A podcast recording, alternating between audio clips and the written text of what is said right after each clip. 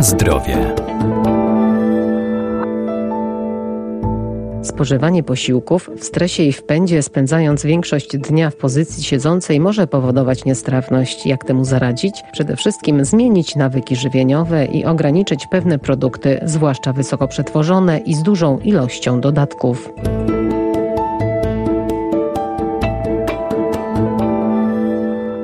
Niewłaściwa dieta może być przyczyną dolegliwości jelitowych, bo choć jedzenie należy do przyjemności, czasami spożyte potrawy nie dają o sobie zapomnieć. Co zatem zrobić, by zmniejszyć dyskomfort? Warto dobrze wsłuchać się w swój organizm i wyeliminować produkty, które nasilają dolegliwości. Dotyczy to również żywności powszechnie uznawanej za zdrową. Różne są przyczyny, jeśli chodzi o zespół jelita drażliwego. Z takich prostych rzeczy jest po prostu niehigieniczny tryb życia, czyli bardzo dużo e, stresu na co dzień plus e, no, nieodpowiedni sposób odżywiania, czyli można powiedzieć dużo takiej żywności przetworzonej, fast foodów, mało dostarczamy organizmowi potrzebnych witamin i mikroelementów. Dietetyk Maciej Pokarowski. I wówczas ten zespół jelita drażliwego może powoli się wykształcać. Natomiast e, też mogą być takie przyczyny jak tak zwane SIBO, czyli nadmierny wzrost bakterii w jelicie cienkim, różnego rodzaju alergie czy nietolerancje pokarmowe związane z tym, że w momencie kiedy dany składnik e, pokarmowy trafia do naszego przewodu pokarmowego, to wówczas nasz organizm będzie się przed nim,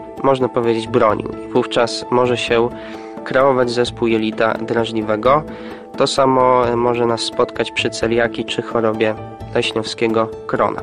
Najczęściej na dobrą sprawę takimi produktami, które będą alergizować są jaja, orzeszki ziemne, mleko, będzie też to soja, ogólnie orzechy, oczywiście pszenica, skorupiaki i ryby. To są absolutnie najczęściej występujące alergeny pokarmowe. No i jeśli chodzi o odpowiedni sposób odżywiania, oczywistym jest, że w zależności od tego, po jakim składniku pokarmowym pojawiają się dolegliwości, powinniśmy go z diety eliminować.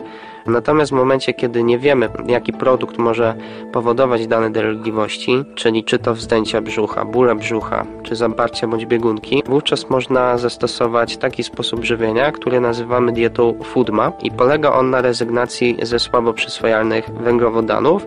Natomiast no, jeśli chodzi o konkretne produkty, to z warzyw powinniśmy rezygnować z typowo takich warzyw kapustnych, czyli z wszelkiego rodzaju kapust, e, czyli takich ciężkostrawnych roślin. Jeśli chodzi o warzywa, powinniśmy również uważać na czosnek, na cebulę, na brokuły czy buraki.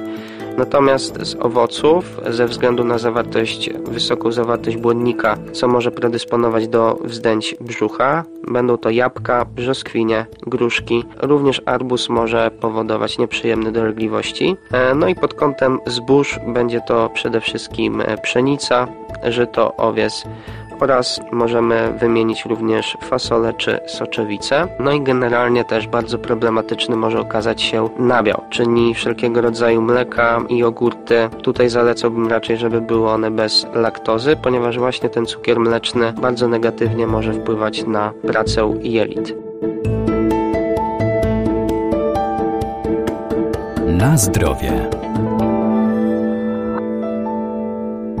Do procesu przemiany materii potrzebna jest także odpowiednia ilość spożywanej wody. Sama w sobie woda jest najważniejszym składnikiem e, organizmu człowieka. Jest ona niezbędna dla naszego życia.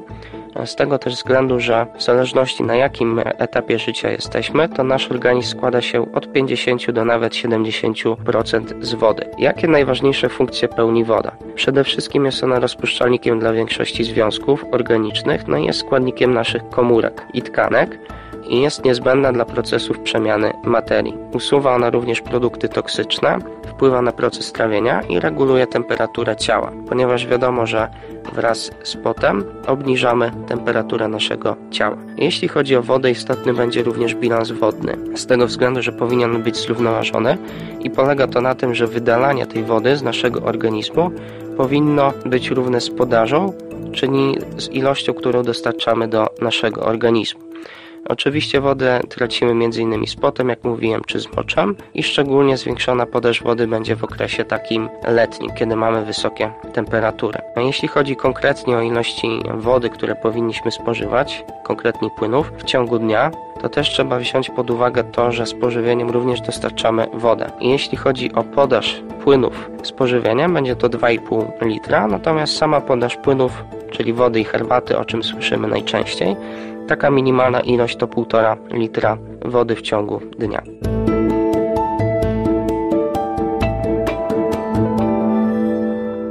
A jeżeli zdecydujemy się na zmianę stylu życia czy odchudzanie, to zawsze pierwsze kroki najlepiej skonsultować się z dietetykiem bądź lekarzem.